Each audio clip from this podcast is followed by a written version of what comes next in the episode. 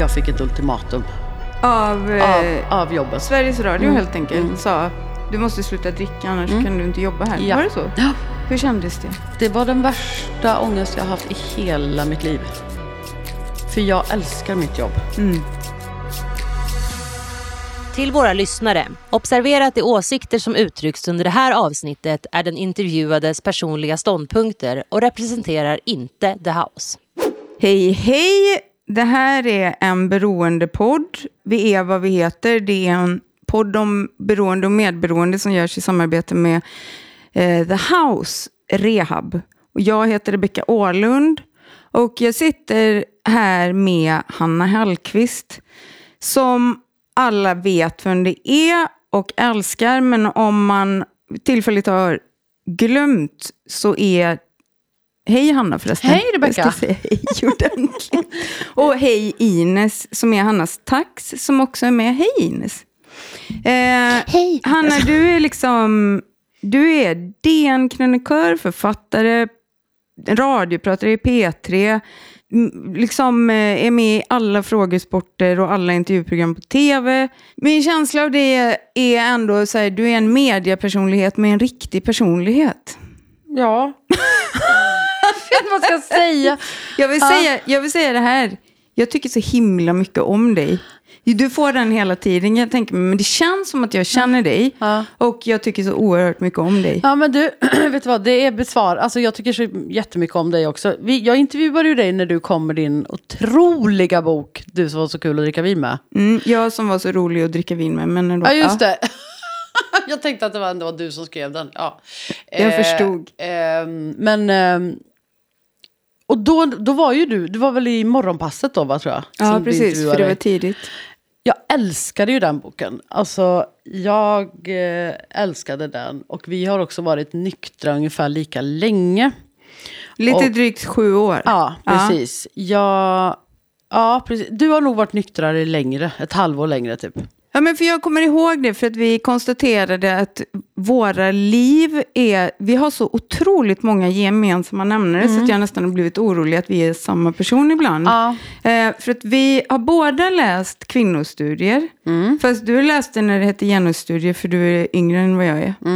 Eh, och sen så är vi båda sådana som pratar dialekt, så alla från Stockholm tycker att vi är från landet. Eh, vi har haft eh, underbara men också problematiska farsor, bägge två. Båda våra farsor har tagit livet av sig eh, någon gång under vår, vårt liv. Eh, vi älskar hundar bägge två.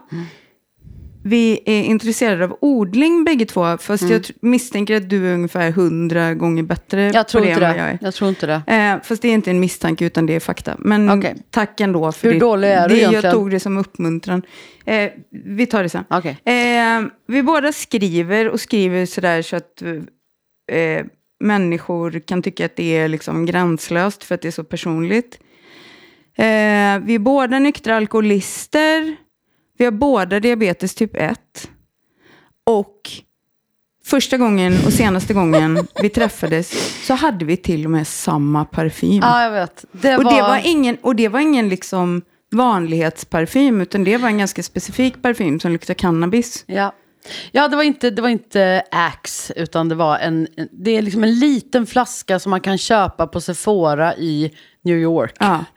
Eller Och det ja, hade vi då gjort. i alla fall. nu finns den kanske på nätet, men eh, ja, för jag bara, åh gud vad gott det luktar, sa jag. Och så, så luktade du likadant. Ja, och du bara, du med. Vad har du för parfym? Ja, det är en liten, ja du vet inte, ja det är cannabis santal. Jag bara, ursäkta, vad sa du? Eh, ja, jag vet, nej men det var lite obehagligt nästan. Och så är vi ju nyktra alkoholister bägge två. Mm. Jag undrar, för, för du skrev en text i DN och kom liksom ut Mm. offentligt som alkoholist. Där du bland annat nämnde min bok. Mm. Och sen fick du Stora Journalistpriset för den texten. Och jag fick inget pris alls Nej, för min bok. sjukt Men faktiskt. jag menar, jag är inte bitter över det eller någonting sånt. Ja, men det kan Men, det vara. eh, Jag tyckte den boken var, den var helt otrolig. Det, Tack så ja, mycket. det- Men du, vet du vad? Din text var också helt otrolig. Och du satte väldigt noga fingret på någonting som var så här. Du har, har alltid varit väldigt öppen och liksom, eh, åtminstone, jag menar, jag vet ju att det finns saker i en som man inte kan uttrycka eller berätta om. Men du beskrev liksom hur eh, alkoholismen på något sätt ändå var så jävla skamlig så att Mm. det var en väldigt svår text för dig att skriva. Du har varit öppen om allt, liksom. Du har Mm. berättat om allt. Eh, och liksom så här, datingliv och din pappas självmord och, och liksom eh, din längtan efter barn och, och olika liksom, försök att skaffa barn själv och så. Eh, du har berättat om när du hade höns inomhus i ditt sommarhus i Grums. Och Det var, liksom, blev var- smutsig och liksom så här. Nej, men, men det här var så skamligt och det var så svårt att skriva den texten för dig. Vad tror du det berodde på? Eh, ja, att... Ja, men det var, det var verkligen liksom the last frontier på något sätt. Eh, jag tänkte på det för att, för, vi se här, inte förra valet, men två, för två val sedan. Då hade min Kristoffer Garplind, min kollega, som jag har nu på eftermiddagarna, han, eh, han roastade alla partiledare innan vi skulle intervjua dem i morgonpasset.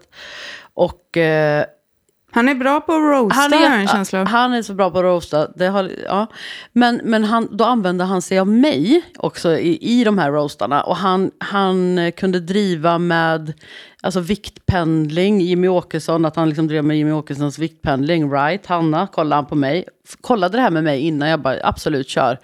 Tragisk ensam singel, kan man kolla, så kollar han, är det okej med dig om jag säger det? Självklart. Är det okej? Alltså, du vet, han drog allt liksom. Eh, och så var det någon, jag kommer inte ihåg vem det var, som han skojade lite då om, om alkohol. Och då sa jag nej. Du får inte säga, du får inte prata om liksom mitt alkohol... eh, Då var jag nykter, men eh, du får inte nämna det. Och det tänkte jag på i efterhand. För Var det är det, det, men det var då innan du hade, Innan hade kommit skrivit- ut Ja, som nykter precis. alkoholist helt Ja. enkelt? Ja. Precis, jag hade inte kommit ut då. Jag var nykter, jag skötte mig, jag jobbade. Men jag var livrädd att det skulle komma fram att jag inte hade skött mig. Att du inte, var alkoholist helt Ja. enkelt? Mm.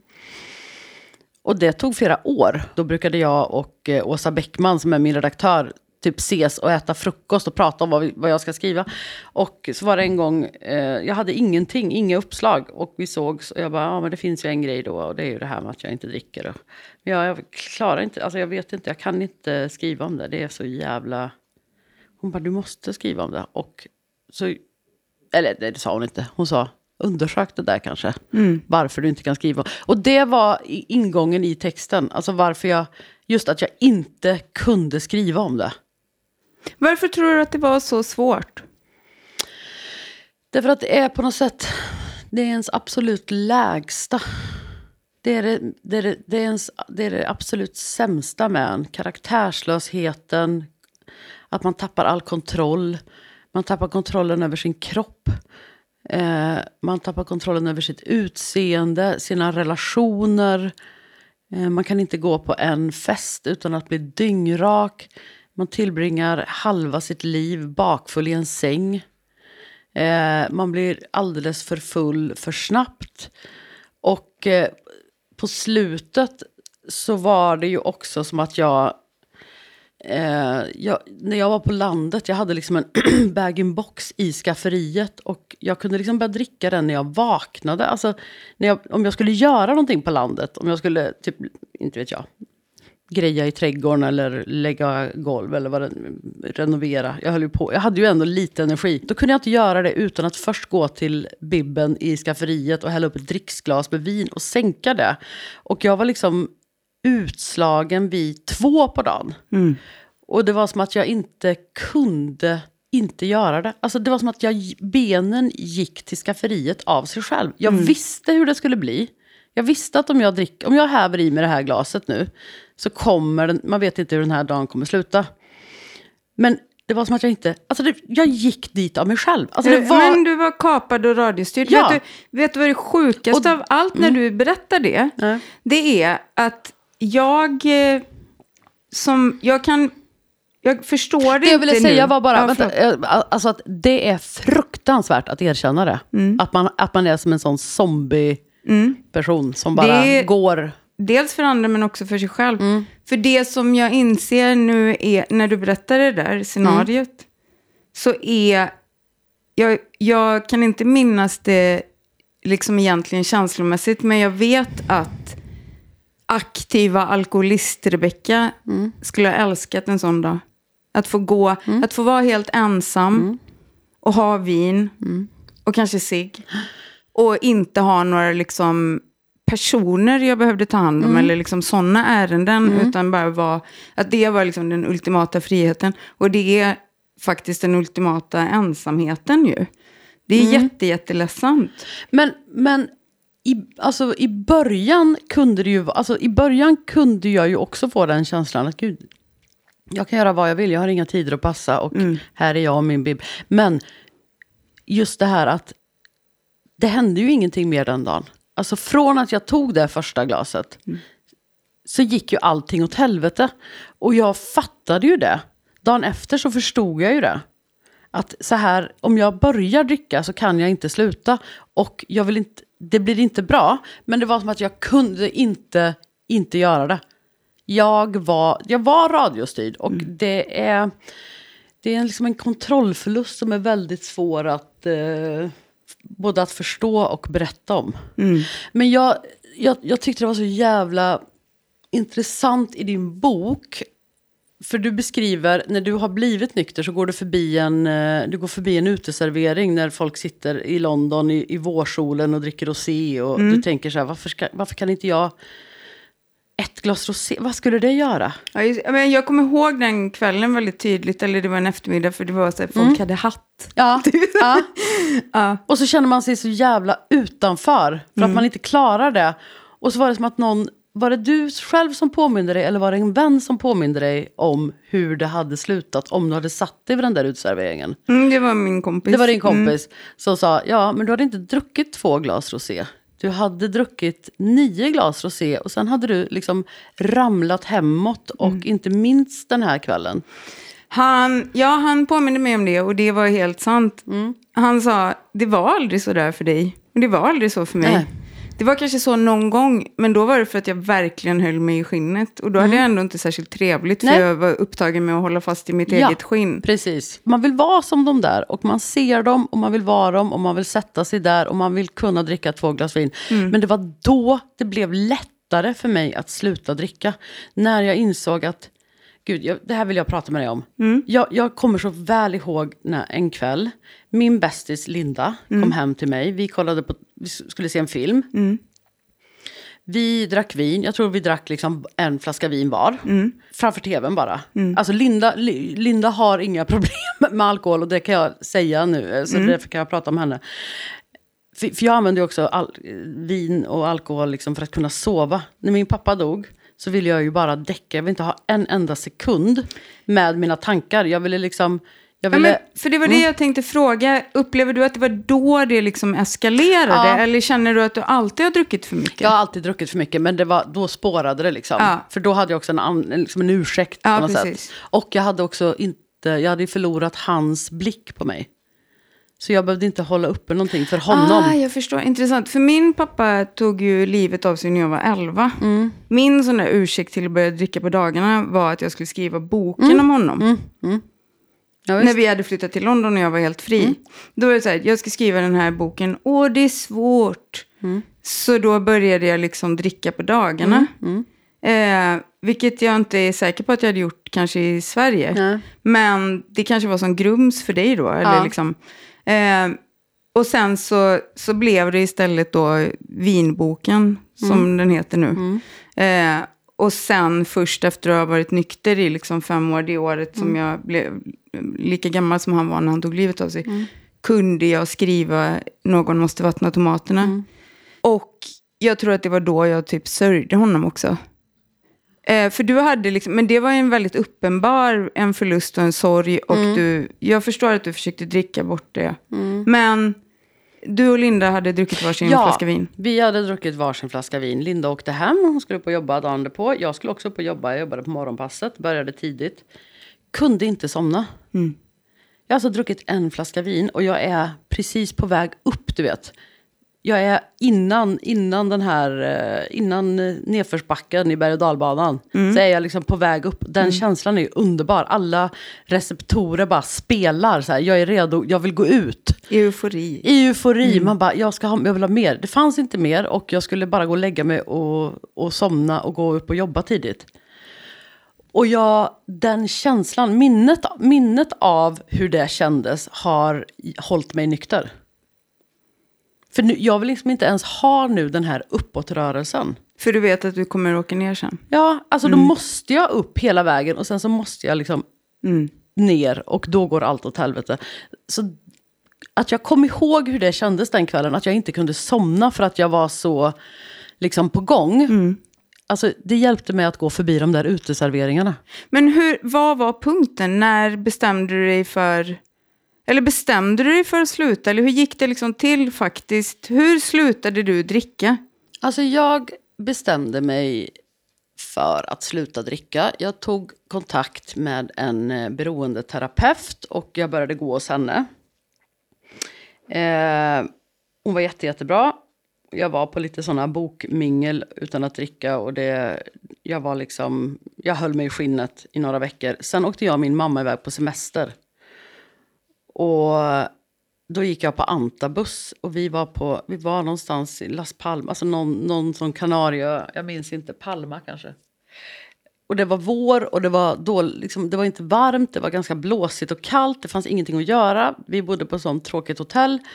Eh, man kunde inte sola.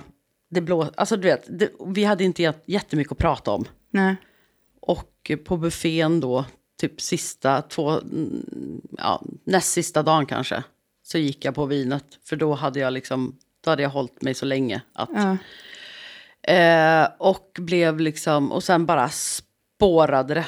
Eh, hela den, alltså resten av den resan och typ flygresan hem. Och eh, jag var bakfull på jobbet och eh, de märkte det. Och jag fick ett ultimatum Av, eh, av, av jobbet. Sveriges Radio Mm. helt enkelt sa du måste sluta dricka annars kan du inte jobba här. Ja. Var det så? Ja. Hur kändes det? Eh, det, var, det var den värsta ångest jag haft i hela mitt liv. För jag älskar mitt jobb. Mm. Du är ju väldigt oerhört bra på det också. Jag älskar mitt jobb. Det, det, är bland det, alltså det är bland det viktigaste jag har. Och att jag har också en... Det kan man inte tro. Men jag har en pliktkänsla som är nästan större än någonting annat. Det kan man inte tro eftersom jag ofta är också sen och liksom lite... Nej, fast Men- jag men- tror, men- det, jag tror det är plusset. är, jag, har liksom, jag får den här känslan varje gång jag hör din röst från en tv eller en radio eller ser din face, ditt face i, som en byline i en tidning. Så blir jag så här, nu blir det kul. För det blir alltid kul där du är med liksom. Eh, så att, eh, jag förstår att de vill ha dig kvar. Mm. Och jag förstår att du, och jag förstår också att det finns en pliktkänsla. Jag kan förstå den grejen även om man kan vara liksom vimsig på olika sätt. Ja, Men vad hände men, men, då? men, men eh, De sa antingen slutar du dricka Ja. eller så blir du av med jobbet. Ja. Vad hände då? nej men jag... Förutom att du fick ångest. Ja, ja, ja men, det, men jag måste ändå ber- berätta om den ångesten. För jag, Ja. det, det är det värsta jag varit med om. Jag, kom inte, alltså jag, jag var förlamad. Alltså jag låg i min säng och var förlamad. Jag kom inte upp ur sängen. Och det enda jag ville var att börja jobba. Jag ville bara jobba så att jag kunde göra rätt för mig och visa att jag klarar det här och inte liksom svika dem. Och jag fick inte, jag fick, jag fick vara hemma en vecka och det var det värsta, den värsta veckan i mitt liv. Alltså jag mådde fruktansvärt.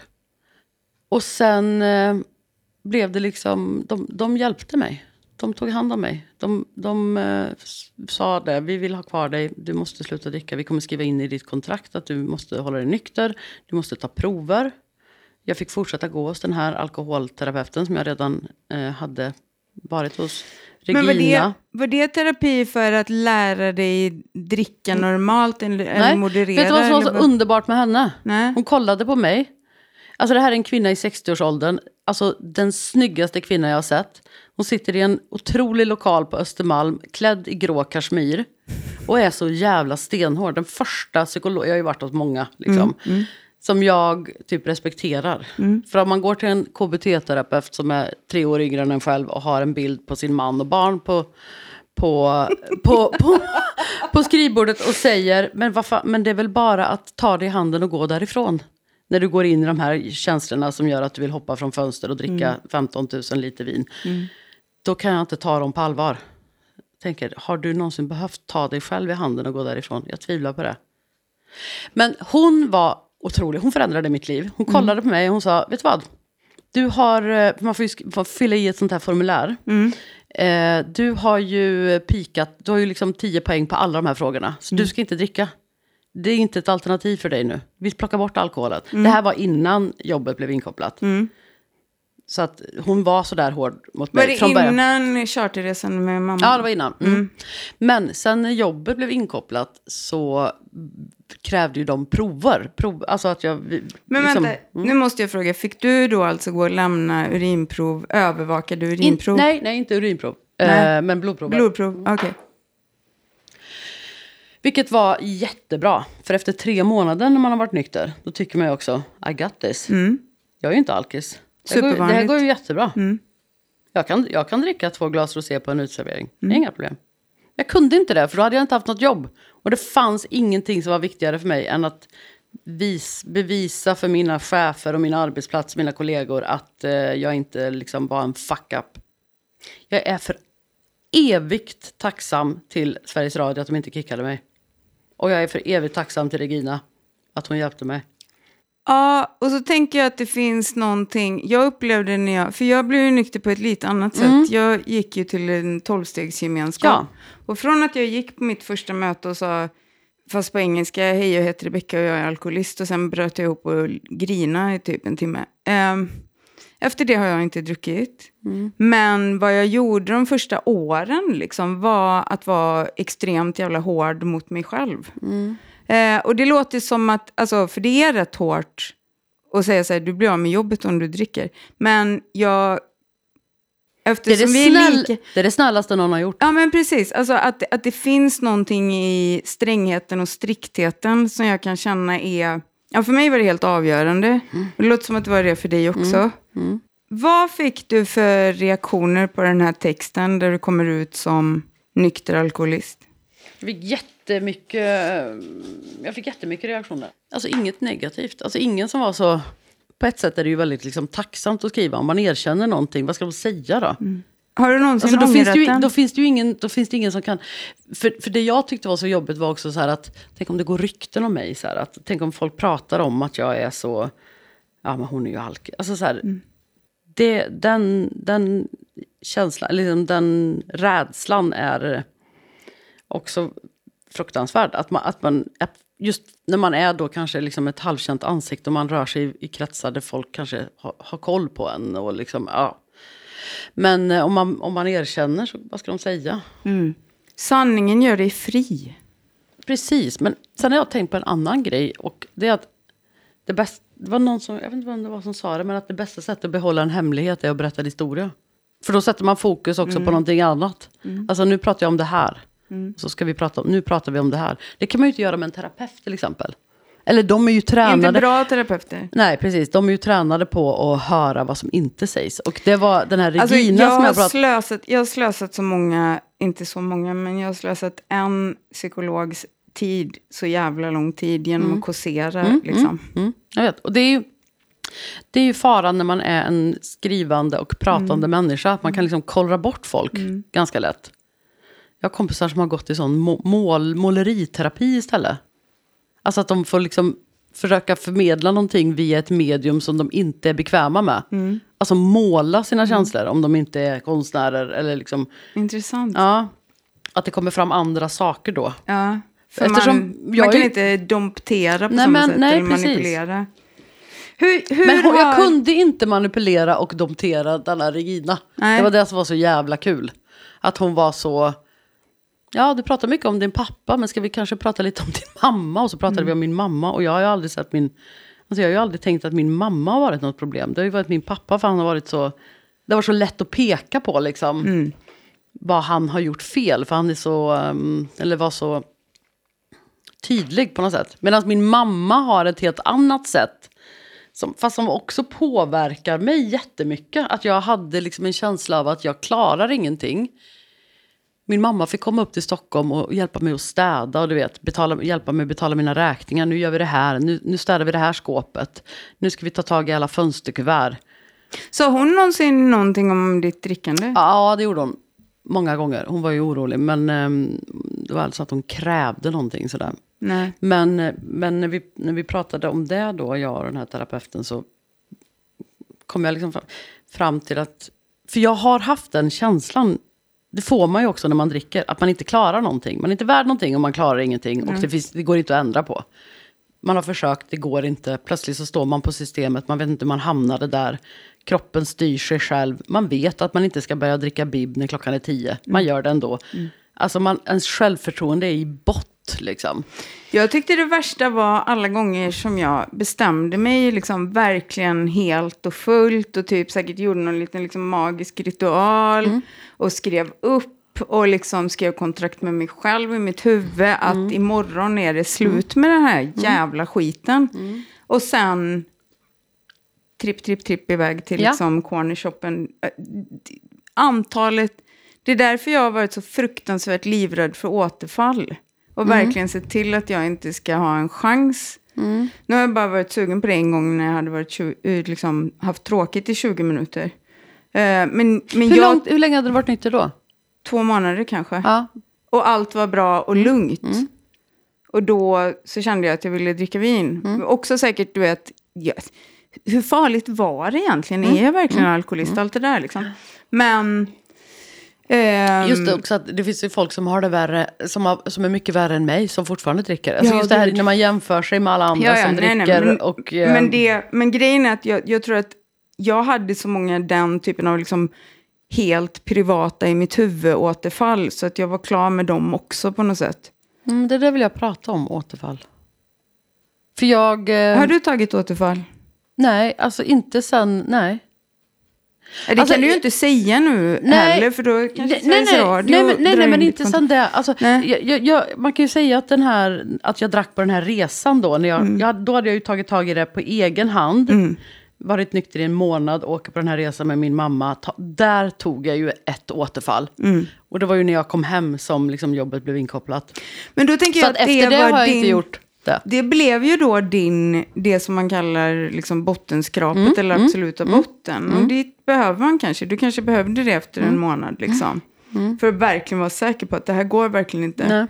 Ehm, jag undrar om du upplever att eh, nykterhet eller att leva i liksom tillfrisknande som man säger. Har det påverkat ditt skrivande på något sätt? Hur i så fall? Eh, ja, det har det väl, tror jag. Alltså förr i tiden så tyckte jag ju att, allt, att det blev väldigt bra när jag tog ett glas vin. Att jag kom igång då att skriva. Mm. Men eh, den sista krönikan jag lämnade in var ju nästan oförståelig. Alltså som du lämnade in, som du hade skrivit med början i ett glas vin. Ja, precis. Dålig var den. Och, eh, så att, eh, nej men så här, ingenting har blivit sämre. Alltså allting har blivit bättre Ja. av att vara nykter. Allt. Har du märkt något otippat? För att jag insåg flera år in i nykterhet att jag inte hade torr hårbotten längre. Och det var så jag hade ingen aning om att det kunde ha någonting med alkohol att göra. Men jag hade så här, för jag har väldigt torrt hår liksom. Mm, ja, jag med. Eh, och jag hade torr hårbotten så att det kliade ibland. Liksom. Och det var när vi, vi bodde ju liksom i England där det går löss hela tiden. Så barnen hade löss liksom en gång i veckan. Ja. Eh, och jag bara, det är inte löss utan det är liksom att min hårbotten är så torr. Ja. Det är ett jävligt sexigt problem och allt där. Eh, men det har gått över helt liksom. Alltså jag tyckte att, eh, alltså så här. Jag skulle vara med i en eh, tidning, typ Vi i Vasastan. Alltså det var någon sån liksom. Och de var hemma hos mig och tog bilder. Och jag fick se de här bilderna. Och det här var innan jag åkte iväg till, eh, vart det nu var vi var, Palma. Och när jag kom hem och såg de här bilderna, för jag såg, ja, man ser i ansiktet, alltså man ser, man blir plufsig, ens ögon blir som små, alltså man blir, det är jättesvårt att förklara, alltså man blir... Jag eh, vet precis vad du menar men jag håller med. Det är svårt att sätta fingret exakt Ja, på vad det är. alltså men det man ser liksom plufsig ut. Ja, alkoholen fyller ut allting i Ja. ens ansikte så att man, man ser liksom inte riktigt ut som sig själv. Och jag, när jag kom hem då och såg de här bilderna så nej men vet du vad, ni måste komma tillbaks för det skulle vara på omslaget också. Så jag bara, kan ni snälla komma tillbaka och ta en ny bild? Då hade jag varit nykter kanske i två månader. Och att se skillnaden på de bilderna. Alltså att se på mitt ansikte, mina ögon, jag, var liksom, hade, jag hade klara ögon. Alltså det var som två olika människor. Det är kanske tråkigt och ytligt att prata om utseende, men, men eh, jag var så ful. Vad är det svåraste med att vara du och inte dricka? Alltså egentligen ingenting, för det var mycket svårare att vara jag och dricka. Men en tydlig sak som jag märker är ju att jag inte, att jag går hem, jag går ju hem när folk blir fulla. Alltså då är det inte kul längre. Alltså jag vill liksom inte gå vidare, jag prioriterar alltid en god natts sömn framför liksom att sitta och gagga med någon som hör halv, halva meningar bara. Alltså, du, ja, jag upptäckte för två veckor sedan att jag har blivit en sån person som jag hatade när jag själv drack. Mm. För att jag insåg att vi- vi var på fest och Mm. det, de började liksom, de höll så här, det var två personer som fyllde 50 och så höll de ett tal och sen så var det ett band som började spela liksom, du vet, så här, hits. Och då så började jag dansa för att jag tycker mycket om, jag lyssnar på en väldigt spe- specifik liksom, musikstil bara som ingen, ingen annan lyssnar på. Vilken då? UK drill, det är liksom Ja. väldigt här, hårt. Eh, men, men jag kan tycka om att dansa och jag tycker just den här kvällen kände jag att spela luftgitarr kändes som en kul grej. Mm. Och så spelade det här bandet Teenage Dirtbag, du vet den låten. Och då var jag liksom igång direkt. För att jag, be- jag behöver inte vänta in att vara lagom full för att vilja dansa. Utan jag måste bara köra. Och jag är som du, jag vill gå hem ganska tidigt för jag är så trött. Liksom. Kvällstrött när jag inte dricker. Så jag var liksom, så här, jag stod... Det var liksom några runt mig som så här, lite kanske tyckte synd om den nyktra alkoholisten. eller någonting. Och så här, hängde med och dansade lite. Men du vet, jag var så jävla pigg och spelade luftgitarr och var liksom helt olidlig. eh, Hade jag tyckt om jag själv fortfarande drack. Liksom. Men jag har ingenting att vänta på längre. Det går liksom inte Nej. att se fram emot klockan ett när Nej. alla är så här fulla eller whatever. Det är Vet liksom... du vad? Det svåraste med att vara nykter för mig är... För jag är... Jag, jag, jag går inte upp och dansar. Men jag har, eh, jag har varit på många dejter. Och, Eh, och, och också när man har varit ute på krogen och man liksom har träffat någon som man så här, kanske gillar lite grann. Alltså när man dricker så kan, behöver man inte liksom adressera det. Utan då kan man bara vara så här, ska vi ta en till öl? Och så bara sitter man och så blir man, fyller man till ihop och sen så plötsligt hånglar man eller så här. Det kommer mer naturligt och sömlöst. Men jag är, jag är exakt som du med luftgitarren fast med hångel istället. Att jag till slut är så här, vet du vad? Kommer det här hända eller inte? Ska vi? Jag känner så här, vad tänker du? Och det är ju aldrig någon som säger, ja vet vad, jag känner samma sak. Utan det, för då blir det, då för, bryts förtrollningen. Att Mm. jag ställer en sån nästan så aggressiv fråga typ. Att man, att man... eh, Eller man kan säga ärlig eller rak eller liksom... Jo, men fast jag, det är det liksom kan uppfattas som aggressivt, det förstår jag. Ja men det funkar liksom inte i de sammanhangen riktigt. Alltså, det Men funkar... dricker personen, dricker din dejt då? I ett sånt läge? Alltså, det, kanske just dejter är, det var en dum, men jag kan, alltså när jag är på fest då, alltså om jag är på en fest där folk dricker och jag känner någonting, alltså jag kan ju då säga bara det där för att jag behöver veta, för annars åker jag hem och sover. Blir det något eller ja, inte? Säg och, det, nu. och då blir det sällan någonting, för det är inte det som folk går igång på, att man bara, ja vet du vad, jag känner eh, att vi skulle, alltså det, det, det funkar inte. Nej. Det tycker jag är svårt, det har varit jättesvårt att dejta. Jag är ju gift. Mm. Jag var ju liksom gift som... När jag blev nykter. Så, Mm. så um, det har ju inte varit aktuellt för mig. Men jag kan verkligen tänka mig den, att det blir liksom stelt Mm. och svårt. Eh, det tänker jag att jag vill ta upp mer i den här podden. Mm. Om jag får vara med och bestämma liksom, ämnen. För att det, det känns som en... Också en så här... Ja, men för jag tänker på alla, liksom, alla sådana situationer jag har varit i innan Alltså även när jag träffade min man, vi var ju liksom ute och drack vin. Det var ju vad vi gjorde hela den Mm. Ja, första som man- sommaren ja, vi träffades. Liksom. Men, men eh, jag har ju varit nykter sen, alltså, sen jag var, jag var 36 när jag blev nykter. Och eh, då där någonstans började jag också, du vet, vakna upp lite grann och bara, vad fan ska hända med mig då? Det var som att jag hade varit dyngrak de här åren då folk hade parat ihop sig, blivit ihop med varann och fått barn och börjat planera framtiden. Då hade jag liksom legat i min säng bara och ätit pizza och haft ångest. Och sen när jag kvicknade till var det som att alla var tagna och då behövde jag ta ett beslut hur, hur, hur mitt liv ska se ut. Typ. Så jag började dejta jättemycket och eh, första gången man ligger med någon alltså första gången man ligger med en ny person och är nykter, alltså det är ju, det hade typ inte hänt förut. Första gången man ligger med någon, att vara nykter då, mm. det har aldrig hänt tror jag, förrän då. Men, men det är ju det här som händer också när man blir nykter. Man får var det läskigt jävla, tyckte du? Eller fruktansvärt. Liksom var, ja.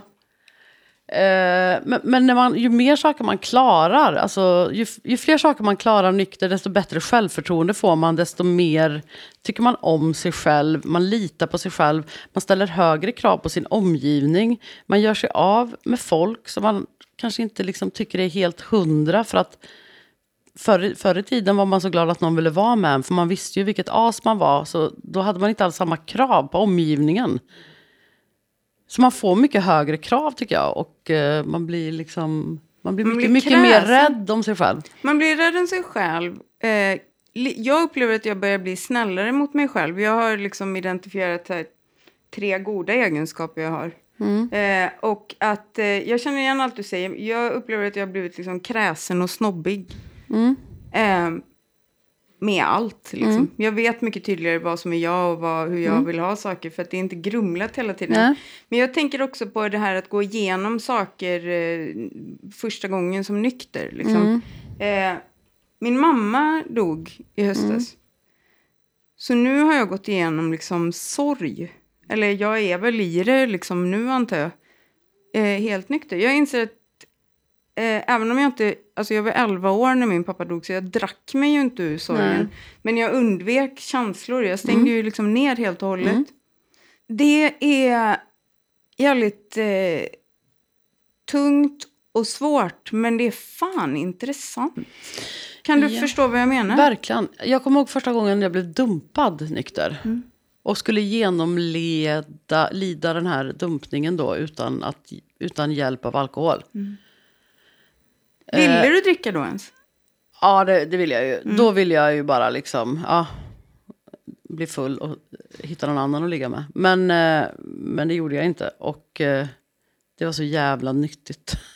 Och sen har det varit många dumpningar sedan dess. Men då, så här, man vet, plötsligt så förstår man att man klarar det. Det är det här också alla de här KBT-personerna har sagt som man inte har trott på. Man behöver inte vara rädd för känslor. Känslorna är där, man kan erkänna att de finns och bla bla bla. Och sen behöver man inte, man behöver inte göra allt man kan för att undvika dem. Eh, det kan man ju säga och det kan man hålla med om och säga att det har du säkert rätt i. Men innan man har tvingat sig själv att göra det så vet man ju inte att man klarar det. Nej. Och det är inte, fast det tycker jag är en sån här grej som man kan typ sitta och säga som en papegoja. Ja, precis. Tills ja. man faktiskt har gjort det. För ja. då förstår man det med typ kroppen eller mm. själen mm. ja, på något ja. sätt. Som är liksom... Det är väl det kanske som är att växa som människa eller utvecklas. Ja, inte. säkert. Alltså, det är ju det, är det här som är... Folk kan säga allt det här till en. Mm. Man måste förstå man måste det. Fatta det. Man måste fatta det själv. Skulle du vilja ha alkoholismen ogjord i ditt liv?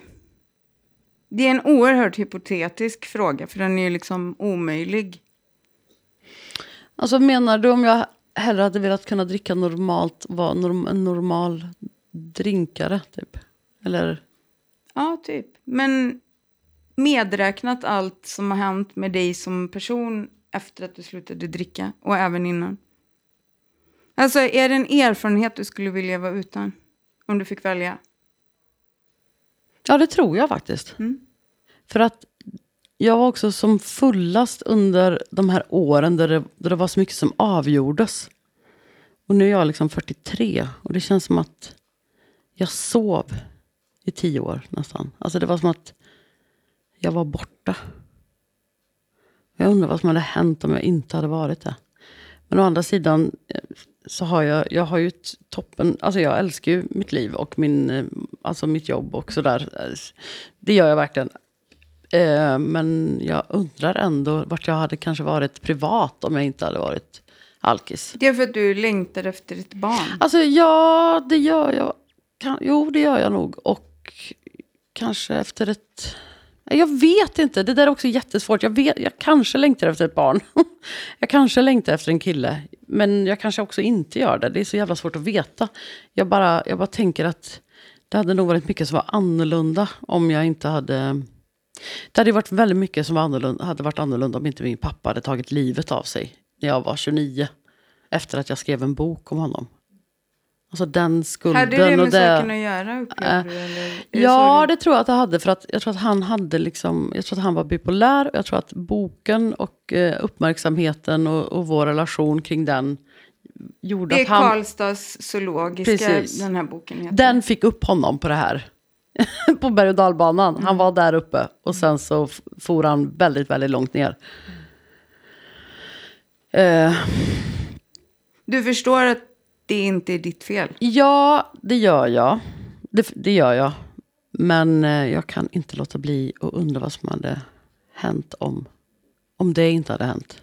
Fast det hade hänt säkert förr eller senare ändå. Men det är klart att man undrar liksom.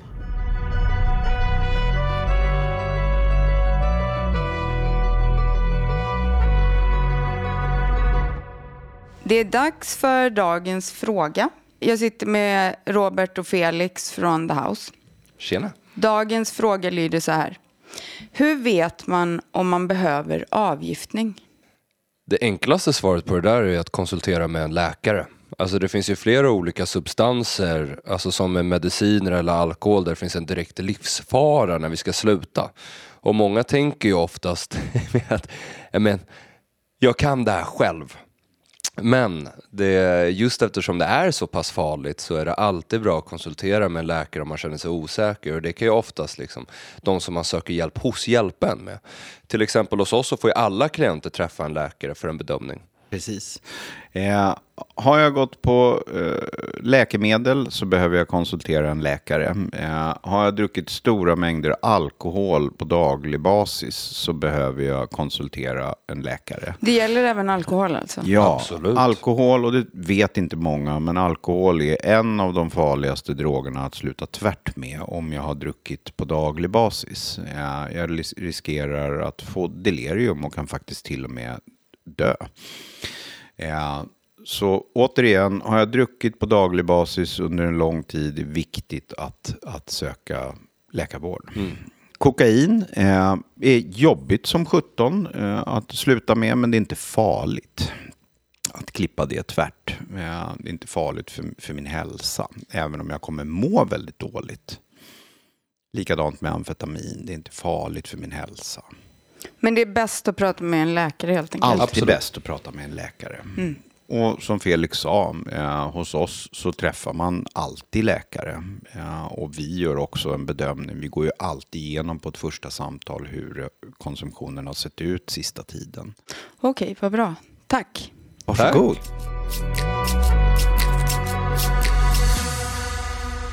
Nu undrar jag, kring beroende, finns det någonting som du vill svara på som jag inte har frågat om? Nej, men jag skulle vilja bara, för jag läste, jag vill bara lyfta, har du läst Johan Kronemans jag är, plöts, jag är olyckligt här? Nej.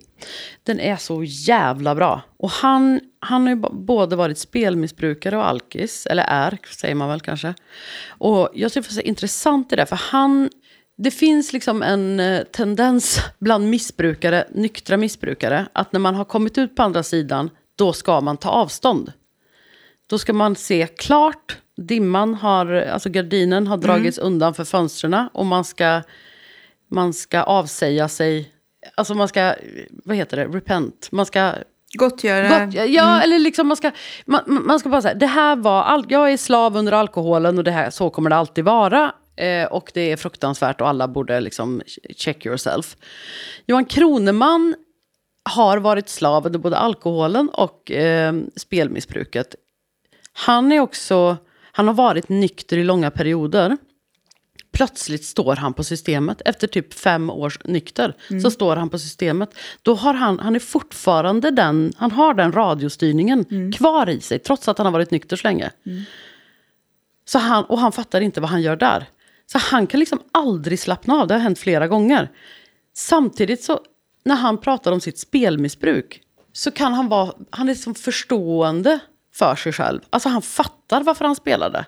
Han kan fortfarande fatta varför, alltså han fattar varför folk spelar. Det är någonting i detta. Och jag, det tyckte jag var så modigt och intressant och ovanligt att någon som har haft såna här svåra problem, alltså han har väl säkert också varit med om interventions, att de fortfarande säger ja men jag, fatt, jag förstår mig själv.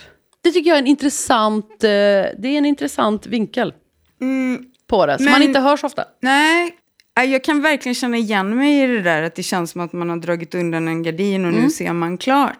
Och jag tror att eh, när jag skrev boken om att jag var rolig att dricka vin med, då skrev jag den i liksom den där, du vet, jag var verkligen hög på att vara nykter för att jag började se Hur lång tid tog livet det liksom att skriva på- den?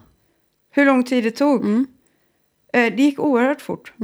Och sen arbetade jag om den lite för jag hade varit... Eh, Nej men för jag tycker att alltså, eh, det känns när man läser den, och det menar jag inte som något dåligt, tvärtom. För det känns som att du skriver den på lust och... Eh, jag skrev den i en eh, lättad utandning. Ja, exakt. Och det märks och det, det gör den så jävla bra. Man ska inte liksom Men jag tror att det är för- därför folk, för att folk säger så här, jag fick liksom, eh, jag fick kraft av den eller Mm. liksom, jag fick energi i, min eg, i mitt eget tillfrisknande Mm. av den. Och det tror jag är just för att jag var, jag hade aldrig kunnat skriva den idag, för att idag är så här att jag inte dricker idag, är liksom, det är bara vad det är. Jag Ja, tänker ja, jag väldigt lite ja. på det. Alltså det är andra människor som påminner om det, eller situationer som påminner mig om det. Ja. Men det är liksom ingenting som jag går och säger, herregud ska jag dricka då? Eller liksom så, eller att jag är så lättad Nej. över det varje dag. Jag får påminna mig om det. Att jag ska vara jävligt glad över att jag har slutat. Det är en annan grej ju, att man inte behöver, alltså vad mycket tankar man får plats med Mm. i huvudet. När man inte tänker på, jag dricker för mycket, nej det gör jag inte för den dricker mer. Ska jag dricka idag? Ja men om jag dricker så här mycket så kanske jag kan komma hem vid den här tiden. Ja nu ska jag åka bort dit, hur mycket kan jag dricka då? Vad behöver jag ta med mig? Alltså alla de här tankarna som upptar, och liksom, du vet, jag hade ju hela det här liksom, i och med att jag har familj, så var det så här, hur ska jag liksom få undan de här Mm. flaskorna? Hur ska jag liksom förklara för alla att jag har öppnat en flaska vin när de Mm. kommer hem och klockan är fyra? Alltså så här, sjukt stressigt. Och liksom just också alltid, för jag hamnade ofta i blackout mot slutet. Eh, och då vet man inte vad man har gjort. Mm. Eh, och jag kunde verka helt okej.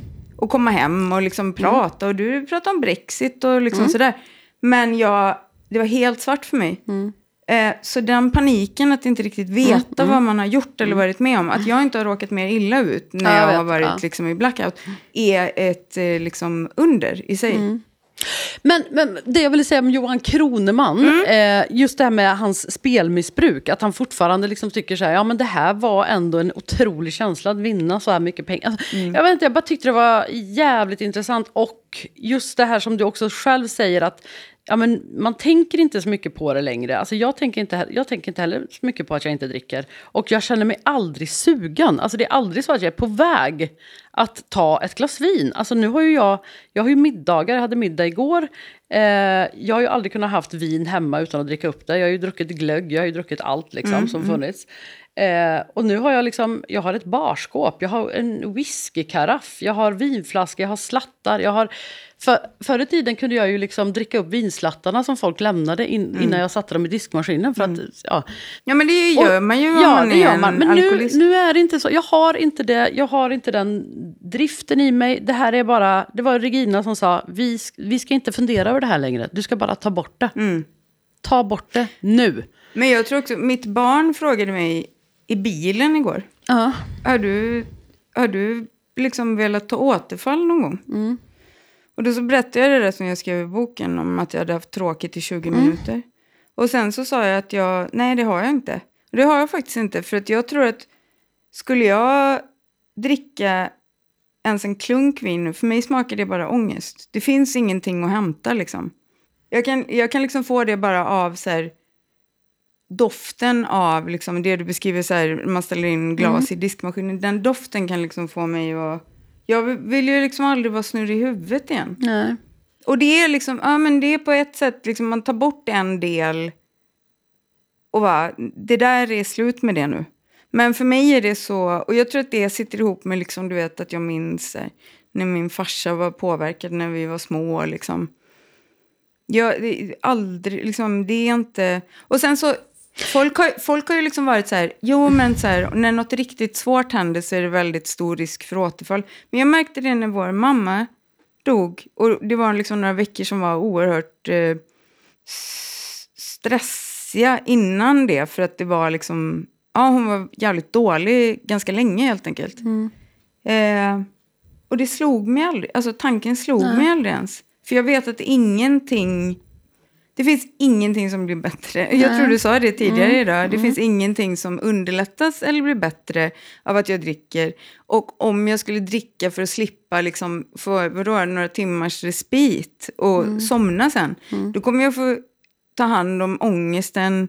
Både den kemiska och ångesten över att jag har druckit igen fast jag är alkoholist. Och, nej, det, det skulle bli för mycket. Det finns liksom, den prislappen inte jag intresserad av ens titta på eller snegla på. Jag. Jag, jag, drack också jättemycket för att kunna sitta still. Jag fick ju en ADHD-diagnos för ja, snart ett år sedan. Ja.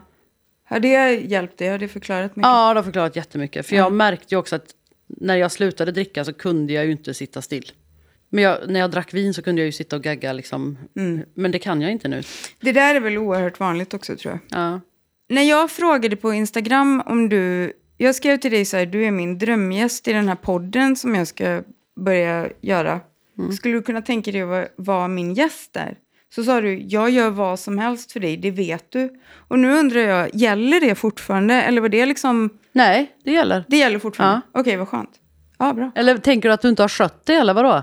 Nej, jag vill bara veta om, om vi har den Ja, relationen att du gör vad som helst för mig. Alltså, jag, jag kommer inte kanske begå Börja, mord. är för, nu är det för sent. Du sa ja. Det är för sent att börja liksom modifiera det löftet nu. Nu är, sitter du i den båten och eh, får ro. Jag, får ro, jag får ro fan i land helt enkelt. Ja. Även Har, jag, har man jag satt Rebecka Åhlund i båten får man fan rona i land. Och det, det eh, är jag mycket tacksam för. Hanna Hellquist, du är en sån eh, stjärna. Och jag är så glad över att du är nykter. Ja, och att jag jag är med. det också. Gud, Tack så med. hemskt mycket för att, för att eh, du var med här idag. Tack. Jag är väldigt eh, glad över det. Den här podden presenteras av The House. Och jag som har pratat hela tiden heter Rebecka Åhlund. Tack för att ni har lyssnat. Hej då!